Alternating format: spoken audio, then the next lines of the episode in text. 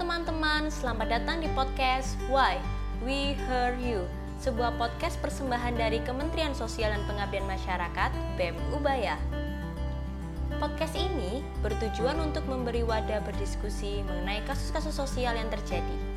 Buat teman-teman yang ingin ikut sharing, bisa banget kirim cerita kalian ke email sospengmas2021 at gmail.com. Kami tunggu cerita kalian dan jangan lupa follow podcast kami di Anchor, Spotify, dan Apple Podcast. Halo semuanya, perkenalkan saya Putri. Hari ini akan memimpin uh, podcast episode pertama yang membahas mengenai kasus-kasus sosial yang yang beberapa hari ini terjadi di masyarakat, yaitu adalah sexual harassment.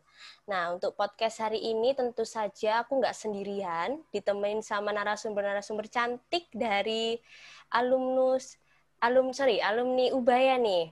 Nah, oke langsung aja kita perkenalan, yaitu narasumber yang pertama ada Kak Karina dari alumni Fakultas Psikologi Ubaya angkatan 2015. Dan ada yang narasumber kita kedua, Kak Hana dari alumni Fakultas Hukum Ubaya angkatan 2014.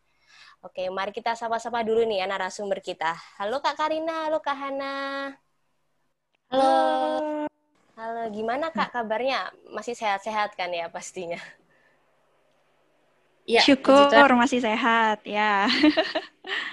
Ini lagi di rumah aja atau gimana nih? Kalau saya kemarin sempat pulang waktu baru-baru lockdown gitu ya. Terus sekarang sudah kembali lagi ke Surabaya sih. Oke. Jadi di Surabaya sekarang. Oke, kalau Kak Hana? Kalau saya uh, sempat pulang juga, uh, ambil cuti sebentar, tapi sekarang balik lagi tugas di NTT. Jadi di rumah. Ya, semoga sehat-sehat ya Kak, di mana pun Kakak berada, karena momen-momen ini memang yang paling penting adalah kesehatan. Oke. Okay. Benar. ya, ini kan sekarang itu lagi rame banget. Uh, kayak masyarakat tuh banyak yang le sekarang lebih speak up mengenai sexual harassment dan permasalahan-permasalahan ini tuh terkadang cukup serius. Nah, tanggapan dari kakak kakak sendiri tuh gimana sih mengenai sexual harassment itu? Oke, okay. ya jadi memang uh, sexual harassment gitu ya atau yang bahasa Indonesia-nya adalah pelecehan seksual gitu ya. Tadi seperti uh, Putri bilang bahwa ini merupakan isu yang nggak pernah ada habisnya kita bahas dan sampai saat ini pun masih menjadi isu yang um, relate untuk kita bahas gitu karena memang nggak ada henti-hentinya gitu ya belum belum ada uh, apa ketok palunya bahwa kasus yang ada di Indonesia ini sudah selesai tentang permasalahan ini gitu. Ya, jadi memang sangat banyak yang perlu kita bahas tentang ini terutama uh, kita bisa lihat dari dua sudut pandang gitu ya, dari sudut pandang pelaku dan juga dari sudut pandang korbannya pastinya gitu ya. Nanti mungkin um, ada kita bahas sedikit dari dua sudut pandang itu supaya teman-teman di sini yang mendengarkan juga bisa paham gitu sebenarnya apa sih yang dimaksud dengan pelecehan uh, seksual dan bagaimana sih peristiwa-peristiwa terkait pelecehan seksual itu. Gitu. Ya, jadi um, sexual harassment ya atau yang tadi juga disampaikan sama rekan kita pelecehan seksual itu bukan suatu hal yang baru ya. Itu sudah kerap kali terjadi dari zaman dulu dan kebanyakan memang korbannya adalah perempuan karena dianggap perempuan itu tidak bisa uh, intinya perempuan itu lemah gitu ya kan. Um, kalau di dalam hukum sendiri kita telah memberikan uh, perlindungan kepada korban pelecehan seksual ya, yakni penindakan hukum bagi pelanggar pelaku pelecehan seksual atau yang kalau di dalam undang-undang kita kita mengenalnya dengan suatu perbuatan cabul karena pada dasarnya pelecehan seksual dan perbuatan cabul itu adalah uh, menitik beratkan pada hal yang sama yaitu perbuatan yang melanggar norma kesusilaan atau kesopanan di dalam tatanan hidup, hidup kita yang lingkup, lingkungannya atau lingkupnya itu masih berdasarkan nafsu birahi dari pelaku itu sendiri. Nah, untuk perlindungan hukum bagi korban yang mengalami tindakan pelecehan seksual itu diatur di dalam KUHP sebagai uh, hukum umumnya ya. Uh, kalau terhadap korban yang masih berusia di bawah 18 tahun, undang-undang kita juga memberikan perlindungan bagi anak-anak yaitu di dalam undang-undang nomor 35 tahun 2014 tentang perlindungan anak. Jadi anak yang mengalami suatu tindak per, uh, tindak atau perbuatan cabul dari si pelaku itu dapat dikenai pertanggungjawaban pidana. Jadi sejauh uh, jadi seperti itu kira-kira penjelasannya. Oke, berarti memang di Indonesia sendiri sudah ada hukum-hukum yang tertera, jadi mungkin para korban bisa menindaklanjuti pelaku ya kak ya? Benar, benar sekali itu. Oke, uh, ini sih yang aku agak penasaran. Apakah di Indonesia itu memang banyak sekali kasus sexual harassment yang terjadi, atau memang memang sedikit atau kayak gimana nih? Saya kan baru-baru ini nih, baru-baru meluapnya kasus-kasus ini gitu.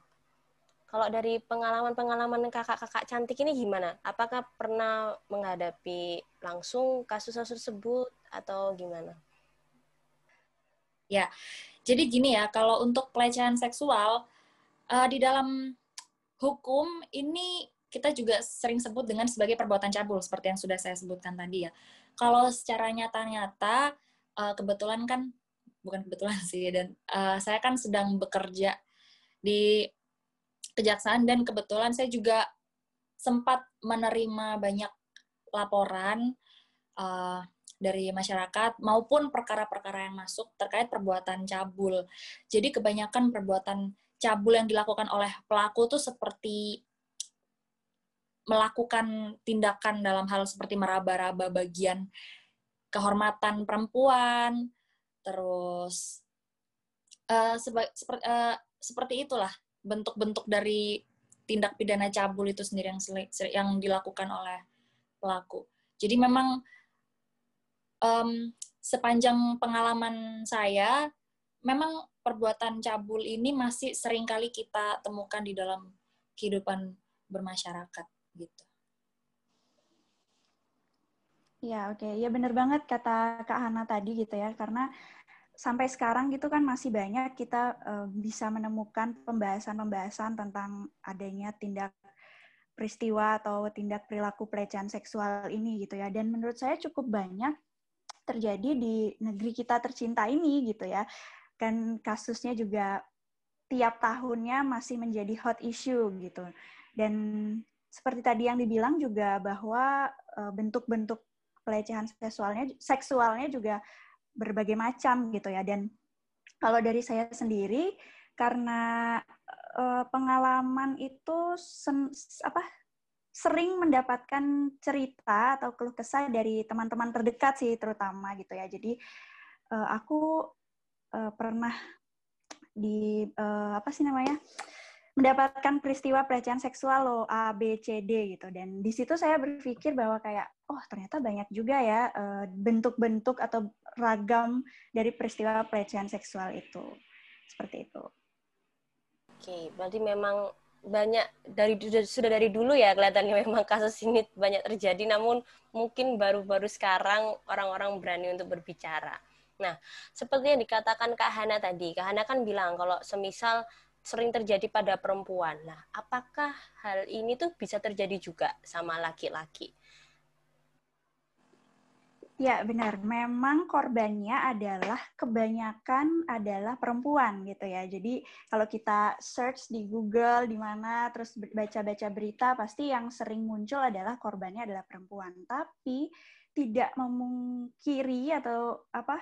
Tidak luput juga bahwa laki-laki ini bisa menjadi korbannya gitu. Jadi pelecehan seksual ini tidak apa ya, tidak um, tergantung dari gender gitu. Siapa pun bisa terkena pelecehan seksual. That's why kita harus bisa aware dan juga kita harus tahu bagaimana sih bentuk pelecehan seksual yang sebenarnya itu seperti apa kayak gitu. Jadi tidak memungkiri bahwa laki-laki pun bisa terkena, tapi memang sejauh ini dari peristiwa-peristiwa yang ada korbannya adalah kebanyakan perempuan. Nah, dari jawaban-jawaban kakak-kakak ini kan udah bisa kita tahu ya, ternyata banyak banget macam-macam kasus dari ke kekerasan seksual ini. Nah, ini nih, kita sudah ada beberapa cerita dari korban-korban yang pernah mendapat perlakuan kurang mengenakan dari lawan jenis. Nah, tapi cerita-cerita ini kami dapatkan dari survei yang kita adakan beberapa waktu lalu dan nanti nama yang aku sebutin di podcast hari ini itu nama samaran ya guys. Jadi tenang aja itu bukan nama aslinya korban. Dan juga kita sudah dapat uh, izin untuk menceritakan cerita yang teman-teman ceritakan kemarin di surveinya. Oke kita langsung masuk ke cerita yang pertama ya kak. Jadi ya. ini ya boleh. ada namanya Mawar.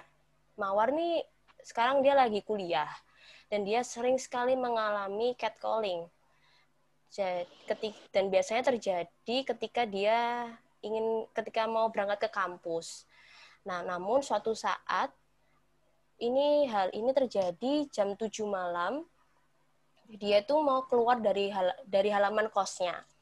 Lalu tiba-tiba ada laki-laki yang pakai bawa motor lewat dan berhenti di depan kosnya dengan bertanya, "Sayang mau ke mana?" Itu. Lalu kejadian ini akhirnya membuat Mawar takut dan akhirnya Mawar memilih untuk menunggu temannya. Lalu ada lagi, ini dari Melati. Jadi Melati ini sering sering sekali mendapatkan uh, kekerasan seksual dari orang-orang sekitarnya. Dan ini beberapa kali kejadiannya.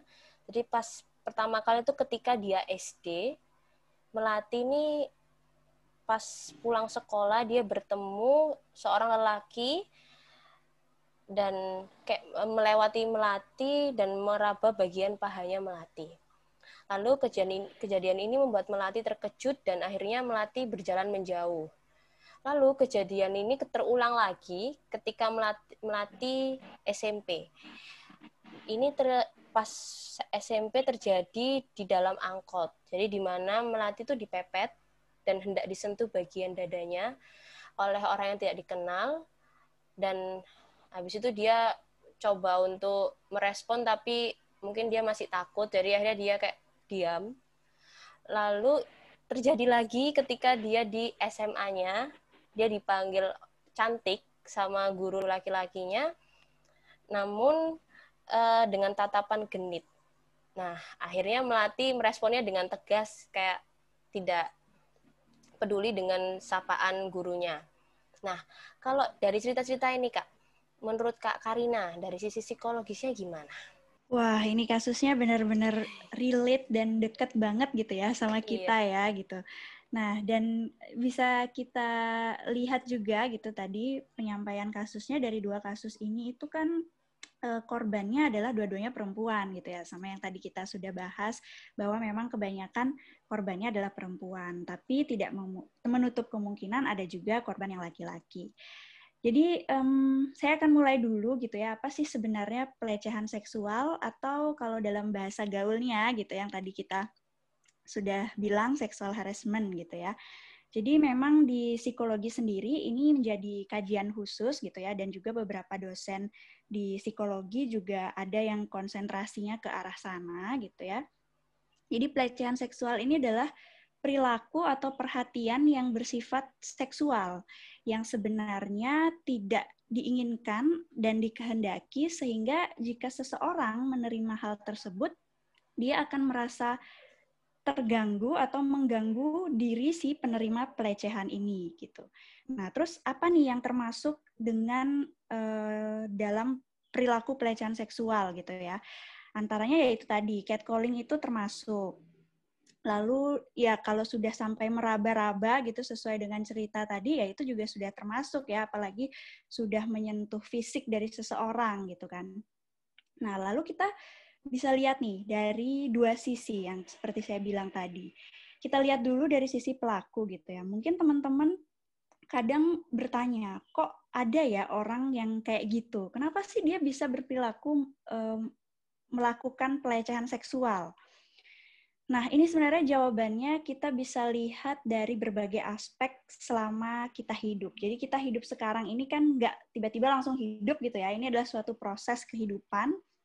Biasanya dari kasus-kasus yang sudah terjadi ketika diusut, seseorang yang melakukan pelecehan seksual ini biasanya memiliki pengalaman atau trauma atau penanaman konsep yang kurang tepat pada kehidupan di masa lalunya gitu ya. Misalnya eh, masa kanak-kanaknya dulu dia ditanamkan nilai bahwa eh, laki-laki dan perempuan ini tidak seimbang gitu. Jadi yang laki-laki harus selalu ada di atas, sedangkan yang perempuan harus selalu di bawah. Nah, di situ dia mendapatkan eh, penanaman nilai seperti itu dan pada akhirnya dia menganggap atau memiliki nilai bahwa oh ya perempuan itu lemah, perempuan itu lebih rendah dan dia tidak berdaya gitu. Nah, ini juga bisa sebagai salah satu pemicu seseorang melakukan tindak pelecehan seksual. Nah, bisa juga kita lihat dari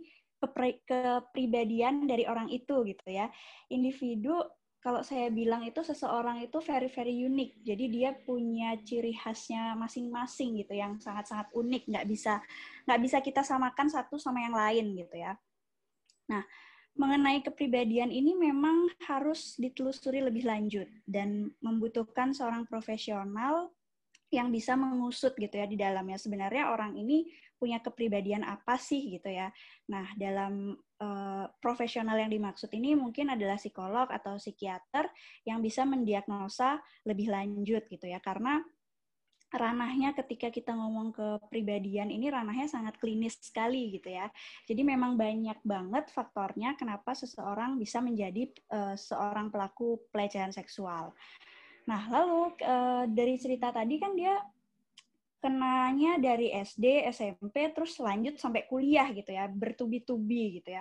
Tentu sedikit banyak ini pasti berdampak ke psikisnya gitu. Hal ini juga kalau dari sisi psikologis itu juga sangat tergantung dari beratnya uh, peristiwa yang dialami dan juga rentang waktu atau lamanya dia mengalami peristiwa pelecehan seksual.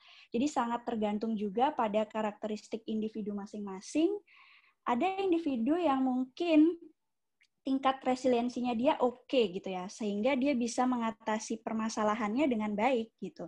Yang beresiko ini adalah yang biasanya orang dengan tingkat resiliensi yang rendah gitu. Jadi dalam menghadapi sesuatu, dalam menghadapi suatu masalah dalam hidupnya, dia ini uh, kurang bisa beradaptasi untuk menghadapi suatu masalah itu. Jadi kayak misalnya di sini dia adalah sebagai korban pelecehan seksual, mungkin dia mengalami kondisi yang sangat tertekan gitu ya. Nah, ketika tertekan, pikiran menjadi tidak jernih dan akan memunculkan kondisi-kondisi uh, psikologis dan juga fisiologis gitu, seperti depresi, serangan panik, kecemasan, lalu ada gangguan tidur, bahkan yang pernah saya apa ya, yang pernah saya tangan bukan tangani, yang pernah ada seseorang bercerita yang pernah mengalami seksual harassment sendiri, dia sangat uh, menyalahkan dirinya sendiri gitu. Dia seperti bilang, kok saya bodoh banget ya. Pokoknya rasa salahnya itu berada dalam dirinya dia sendiri kayak gitu. Nah, bisa juga dia kehilangan motivasi, lupa waktu gitu ya. Bahkan dia merasa powerless, helpless gitu dan jika semua ini tidak tertangani dengan tepat, itu akan bisa mengarah pada yang namanya bunuh diri atau menyakiti diri sendiri gitu.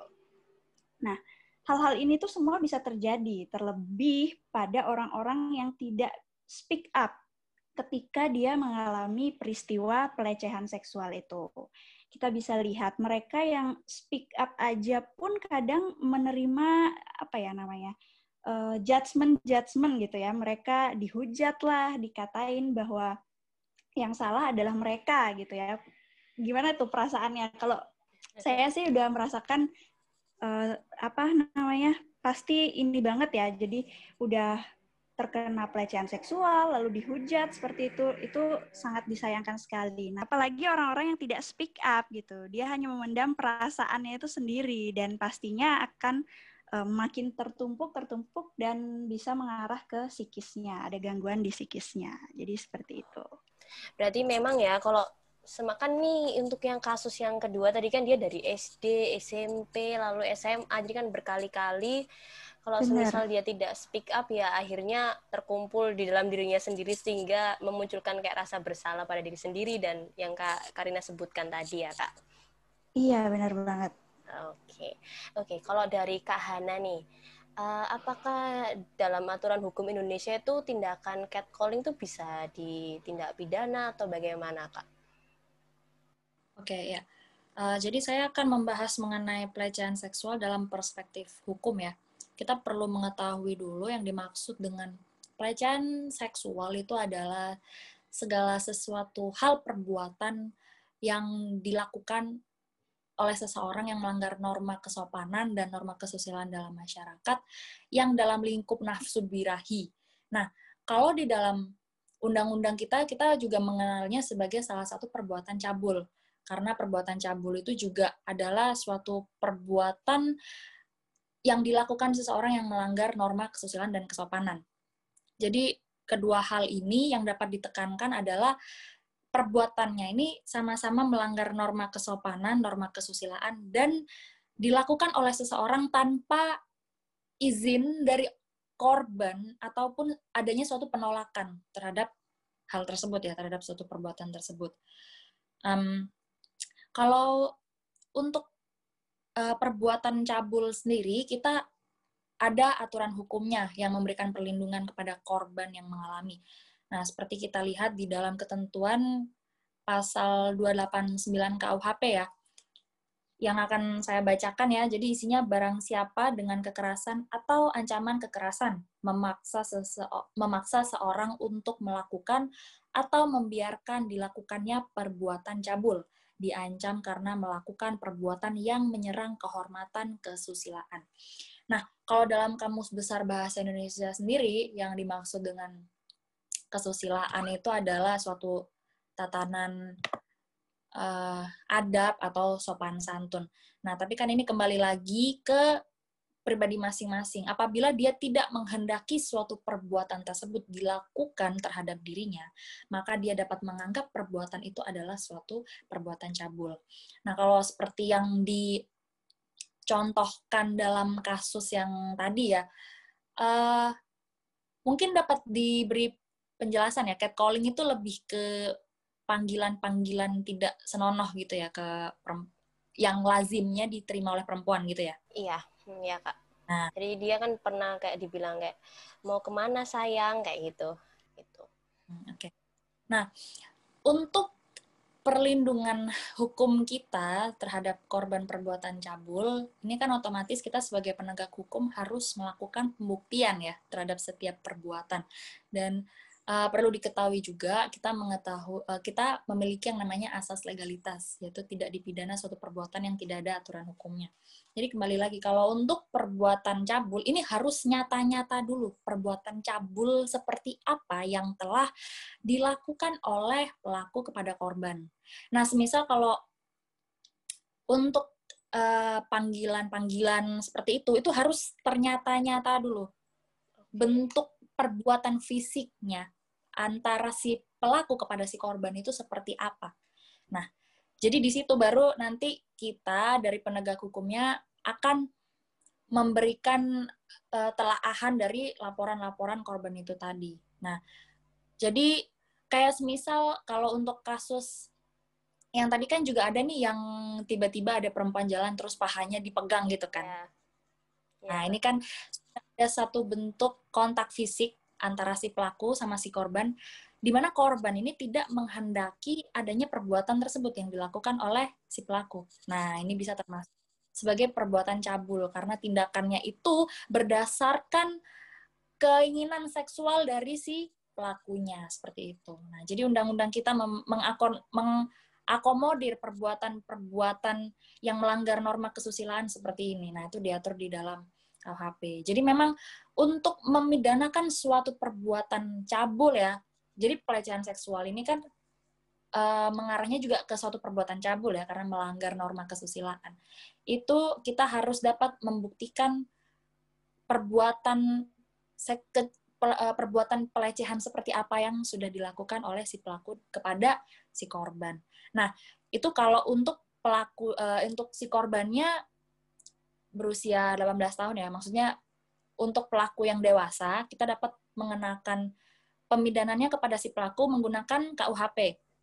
Tapi undang-undang kita juga memberikan perlindungan kepada setiap orang yang berusia di bawah 18 tahun dalam hal anak-anak apabila e, mengalami perbuatan cabul tadi, perbuatan yang melanggar norma kesusilaan di Undang-Undang Nomor 35 Tahun 2014. Nah, di undang-undang ini pemidanaan terhadap pelakunya akan dikenakan lebih berat karena dasar dari pembentukan undang-undang ini adalah untuk melindungi masa depan anak-anak. Nah, jadi itu tadi untuk per, uh, untuk tindakan-tindakan pelecehan seksual itu dapat ditindaklanjuti secara hukum atau tidak itu kita harus dapat membuktikan tindakan nyata perbuatan cabulnya itu seperti apa. Nah, perbuatan cabul di sini itu yang melanggar norma kesopanan dan kesusilaan dan memang sudah nyata-nyata dilakukan anta, e, dari pelaku kepada si korban itu tadi. Begitu. Jadi harus ada buktinya terlebih dahulu baru bisa ya. kita buatan nyata ya perbuatan nyatanya. Kalau ini kak, kan sekarang lagi kan sering orang-orang itu komen-komen yang tidak senonoh di sosial media kak. Nah, ya. apakah ada hukumnya juga untuk pelaku-pelaku yang berkomentar secara vulgar di sosial media itu kak?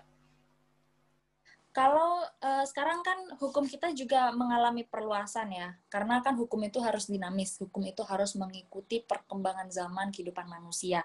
Di mana sekarang kan rata-rata masyarakat ini lebih sering gadgeting ya kan, semua-semua serba gadget. Nah, tidak terkecuali juga tindak pidana ini banyak yang dilakukan di uh, uh, di elektronik ya, di media elektronik. Nah, jadi undang-undang kita um, di dalam Undang-Undang Republik Indonesia nomor 19 tahun 2016 ya tentang ITE informasi transaksi dan elektronik khususnya kita akan membahas kesusilaan nih nah di pasal 27 ayat 1 ini sekalian saya bukakan ya Oke.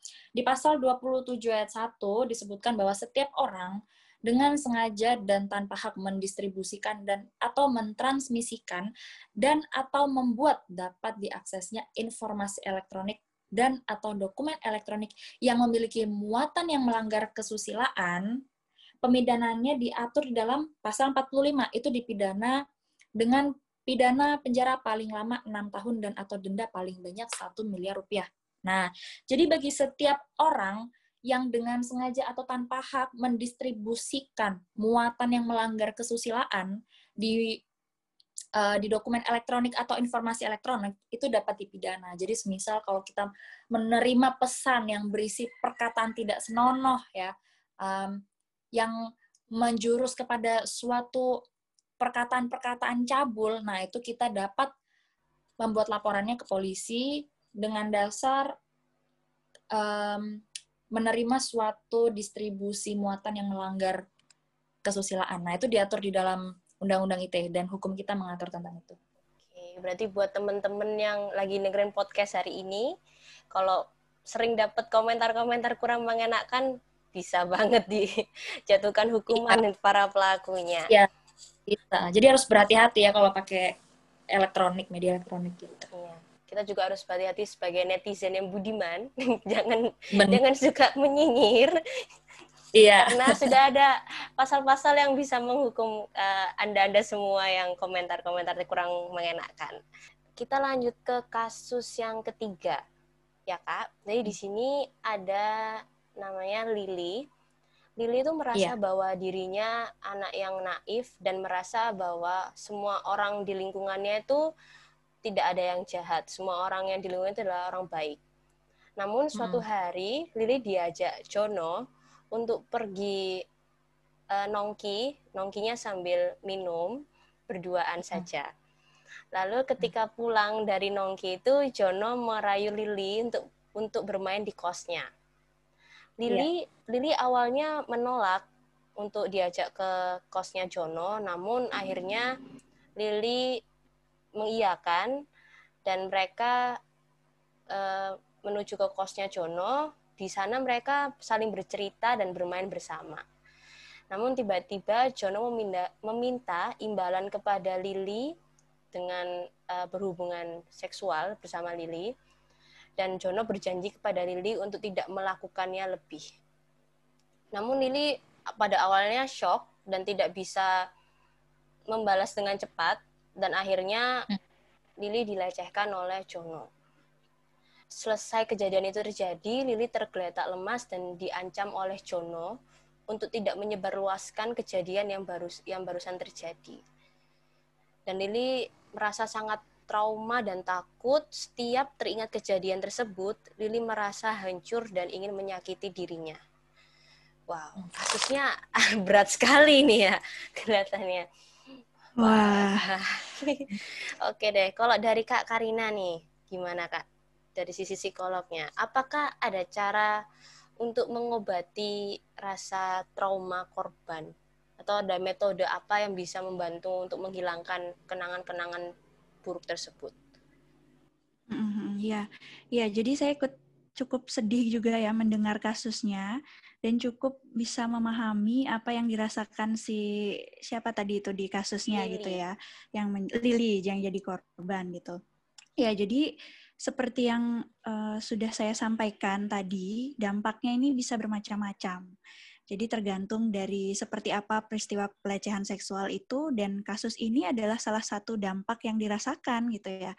Saya rasa perlu adanya hmm, penelusuran lebih lanjut jika memang si korban ini dalam kasus ini membutuhkan pertolongan dan ingin bangkit dari lukanya gitu ya karena ini udah ada luka dalam dirinya.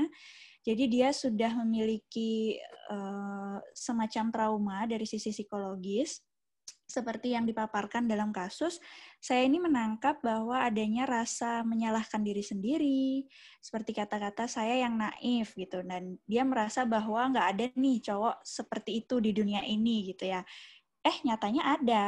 Nah, ini yang harus kita bantu agar korban tidak seterusnya menyalahkan dirinya sendiri gitu. Jika sudah sampai adanya trauma yang berkepanjangan, bahkan sampai sekarang uh, tadi dicerita dia sudah menyakiti diri gitu ya, sampai menyakiti dirinya sendiri.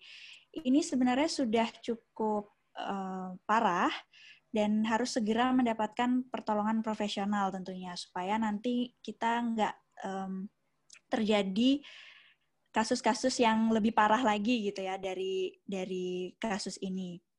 Nah kalau untuk tadi metode gitu ya kak ya. Kalau metode atau cara itu pasti ada, namun memang harus sangat-sangat disesuaikan dengan kondisinya korban saat ini. Jadi perlu dilakukan adanya asesmen, terus tinjauan yang lebih mendalam lagi terkait trauma yang dialami ini sejauh mana. Dan jika belum memungkinkan untuk dilakukannya uh, suatu asesmen atau pemeriksaan oleh profesional gitu ya, yang bisa untuk mengatasi secara terdekat atau pertolongan pertamanya ini adalah kita bisa melakukan pendekatan-pendekatan yang sederhana gitu seperti adanya dukungan dari orang-orang terdekat. Nah, orang-orang terdekat ini siapa sih yang orang terdekat kita adalah kan keluarga ya. Nah, lingkungan yang paling dekat itu pasti keluarga atau mungkin beberapa orang yang paling dekat seperti misalnya sahabat atau teman-teman yang sudah memang dipercaya sama si korban gitu ya. Nah,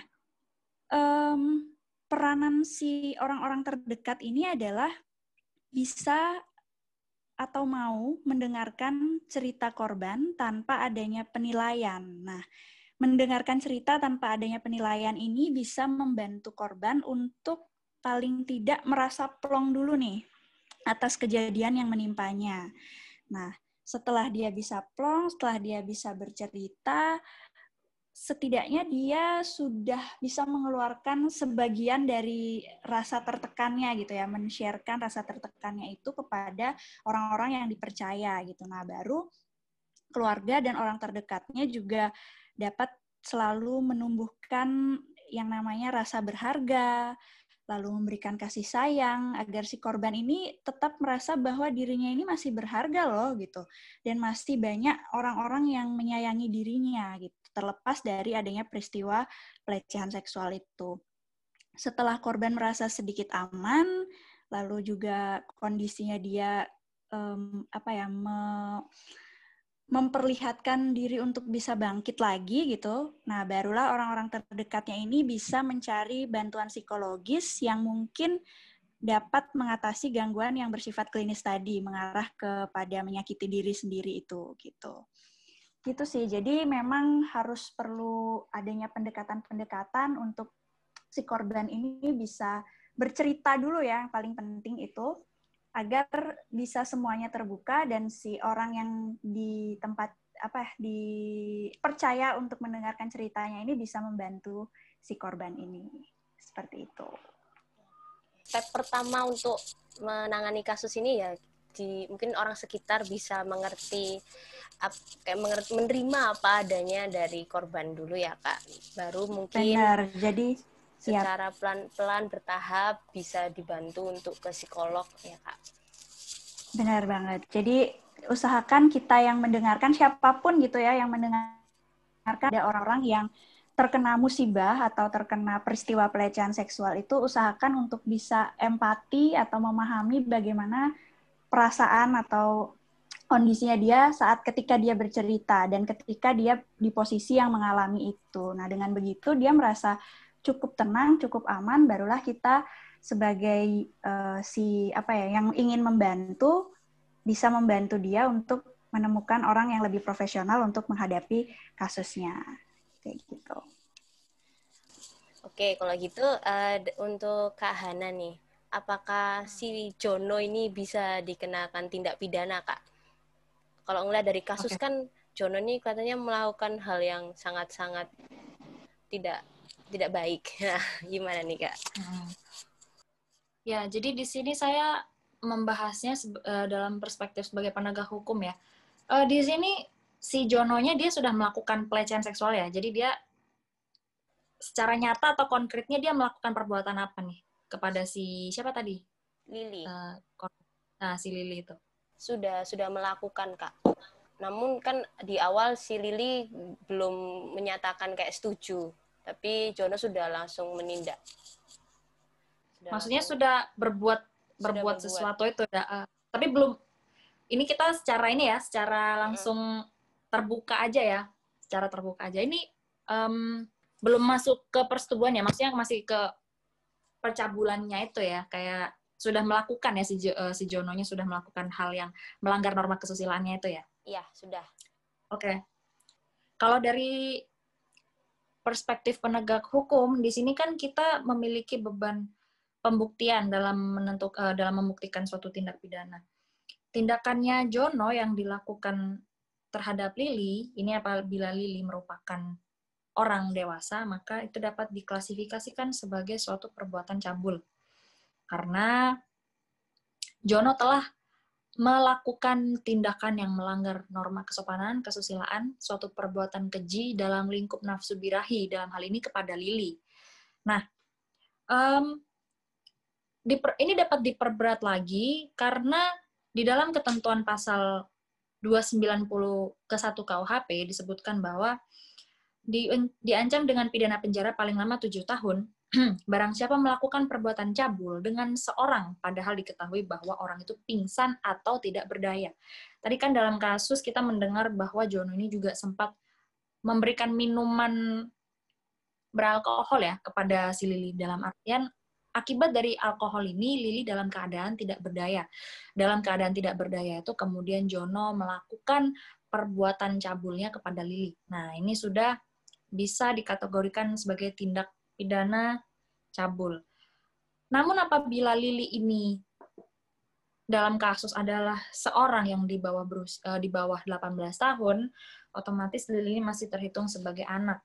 Nah, kalau Lili ini posisinya sebagai anak yang mengalami tindak pidana uh, pelanggaran norma kesopanan atau kesusilaan, diatur di dalam pasal 76E Undang-Undang Nomor 17 Tahun 2016 tentang Perlindungan Anak disebutkan bahwa setiap orang dilarang melakukan kekerasan atau ancaman kekerasan, memaksa melakukan tipu muslihat, melakukan serangkaian kebohongan, atau membujuk anak untuk melakukan atau membiarkan dilakukan perbuatan cabul. Nah, tindakan Jono ini dia telah melakukan tipu muslihat kepada Lili untuk uh, dilakukannya perbuatan cabul karena tindakan yang dilakukan oleh Jono itu tidak dikehendaki oleh korban.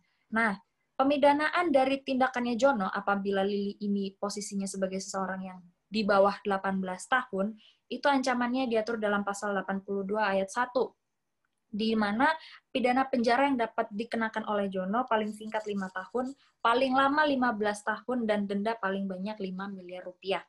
Nah, jadi kesimpulannya adalah setiap orang yang dia merasa uh, kesopan norma uh, kehormatannya dia itu diserang oleh orang lain tanpa adanya izin dari orang tersebut, maka itu dapat diklasifikasikan sebagai suatu tindak pidana cabul karena lingkupnya dalam uh, nafsu seksual dari si pelaku ya. Dan terhadap si pelaku itu dapat dijerat dengan ancaman pidana baik yang ter diatur di dalam KUHP apabila korbannya ini sudah berumur dewasa dan dapat diancamkan di Undang-Undang Nomor 17 tahun 2016 perubahan Undang-Undang Nomor 23 tahun 2002, 2002 tentang perlindungan anak apabila si korbannya itu di bawah usia 18 tahun. Jadi undang-undang kita memberikan um, perlindungan dan memberikan uh, sanksi bagi setiap orang yang melakukan tindak pidana tersebut. Gitu. Oke, berarti memang bisa ditindak pidana pelakunya. Jadi buat teman-teman yang dengar podcast hari ini jangan takut sekali iya. lagi yeah. jangan takut untuk speak up dan ragu bila tidak ada yang membela kalian Benar. hukum kita sudah menyediakan beberapa hukuman uh-huh. untuk para pelaku dan mungkin bisa cerita ke teman-teman yeah. dekat atau senyamannya kalian supaya setidaknya kayak katanya Kak Karina tadi agak agak apa agak lega iya, nih isi benar. hatinya tidak tidak terlalu beban di dalam iya benar. Jadi ya saya juga mau menyarankan juga buat semua teman-teman bagi siapa pun ya ya saya juga berharapnya jangan sampai mengalami tapi apabila mengalami jangan takut laporkan ke pihak yang berwajib karena nanti kita yang akan menelaah laporan dari teman-teman itu begitu. Oke. Buat teman-teman jadi bisa aku simpulkan buat hari ini kita harus lebih berani lagi untuk me, menceritakan hal-hal yang terjadi dikarenakan tadi jangan sampai kita hanya menyimpan di dalam diri nanti akibatnya juga ke diri kita sendiri dan juga di Indonesia sudah ada hukum yang uh, dapat melindungi kita sebagai korban kekerasan seksual. Oke, terima kasih kakak-kakak udah mau sharing-sharing buat malam hari ini. Terima kasih Kak Putri, Kak Devina, Kak Karina juga. Oke, buat teman-teman jangan lupa tetap ikutin terus podcastnya Y setiap hari Jumat jam 7 malam dan jangan lupa follow juga di Spotify, Anchor, dan Apple Podcast. See you!